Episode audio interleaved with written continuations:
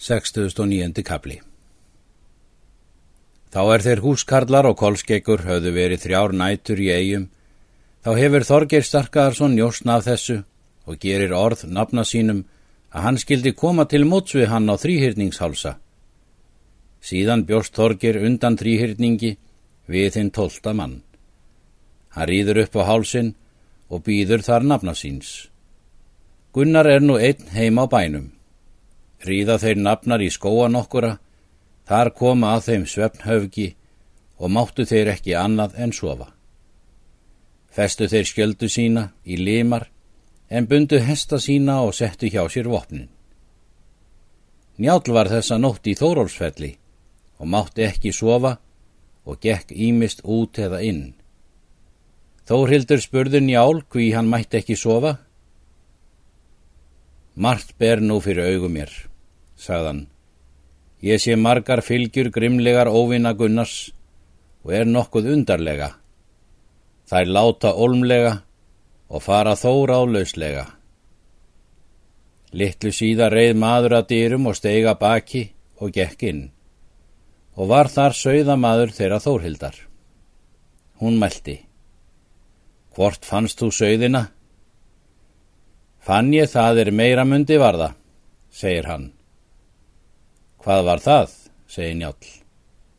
Ég fann fjóra og tuttugu menn, segir hann, í skóginum uppi. Þeir höfðu bundið hesta sína en sváfu sjálfur.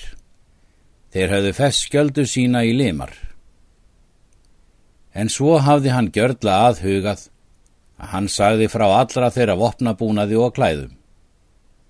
Njál vissi þá gjörla hver hvergi hafði verið og mælti til hans. Gott hjóna er þú, ef slík væri mörg, og skalt þú jafnan þessa njóta, en þó vil ég nú senda þig. Hann hjátt að fara. Þú skalt fara, segir njál, til hlýðarenda og segja Gunnari að hann fari til grjóthár og sendi þaðan eftir mönnum, en ég mun fara til mótsvið þá er í skóginum eru og fæla þá í braut hefur þetta að því vel í móti borist að þeir munu engis abla í þessi en láta mikið. Sögðamæður fór og sæði Gunnari sem gerst frá öllu. Reið þá Gunnar til grjótár og stemdi að sér mönnum. Nú er að segja frá njáli að hann rýður til fundar við þá nafna. Óvarlega liggi þér, segir hann, eða til hver skal för sjá ger hafa verið og er Gunnar engi klektunar maður. En ef satt skal umtala, þá eru þetta hinn mestu fjörráð. Skulu þér það og vita að Gunnar er í liðsafnaði og mun hann hér brátt koma og drepa yður nema þér rýðið undan og heim. Þeir bröðust við skjótt og var þeim mjög umfelt og tóku vopp sín og stiga á hesta sína og hleyftu heim undir þrýhyrning. Njál fór til mótsvíkunnar og bað hann ekki eigða fjölmenni, en ég mun fara í meðal og leitum sættir.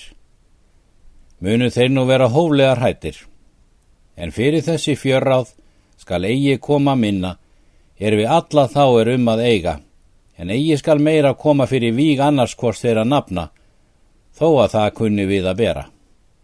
Skal ég varveita þetta fjö, og svo fyrir sjá að þá sé þér innan handar ef þú þart til að taka.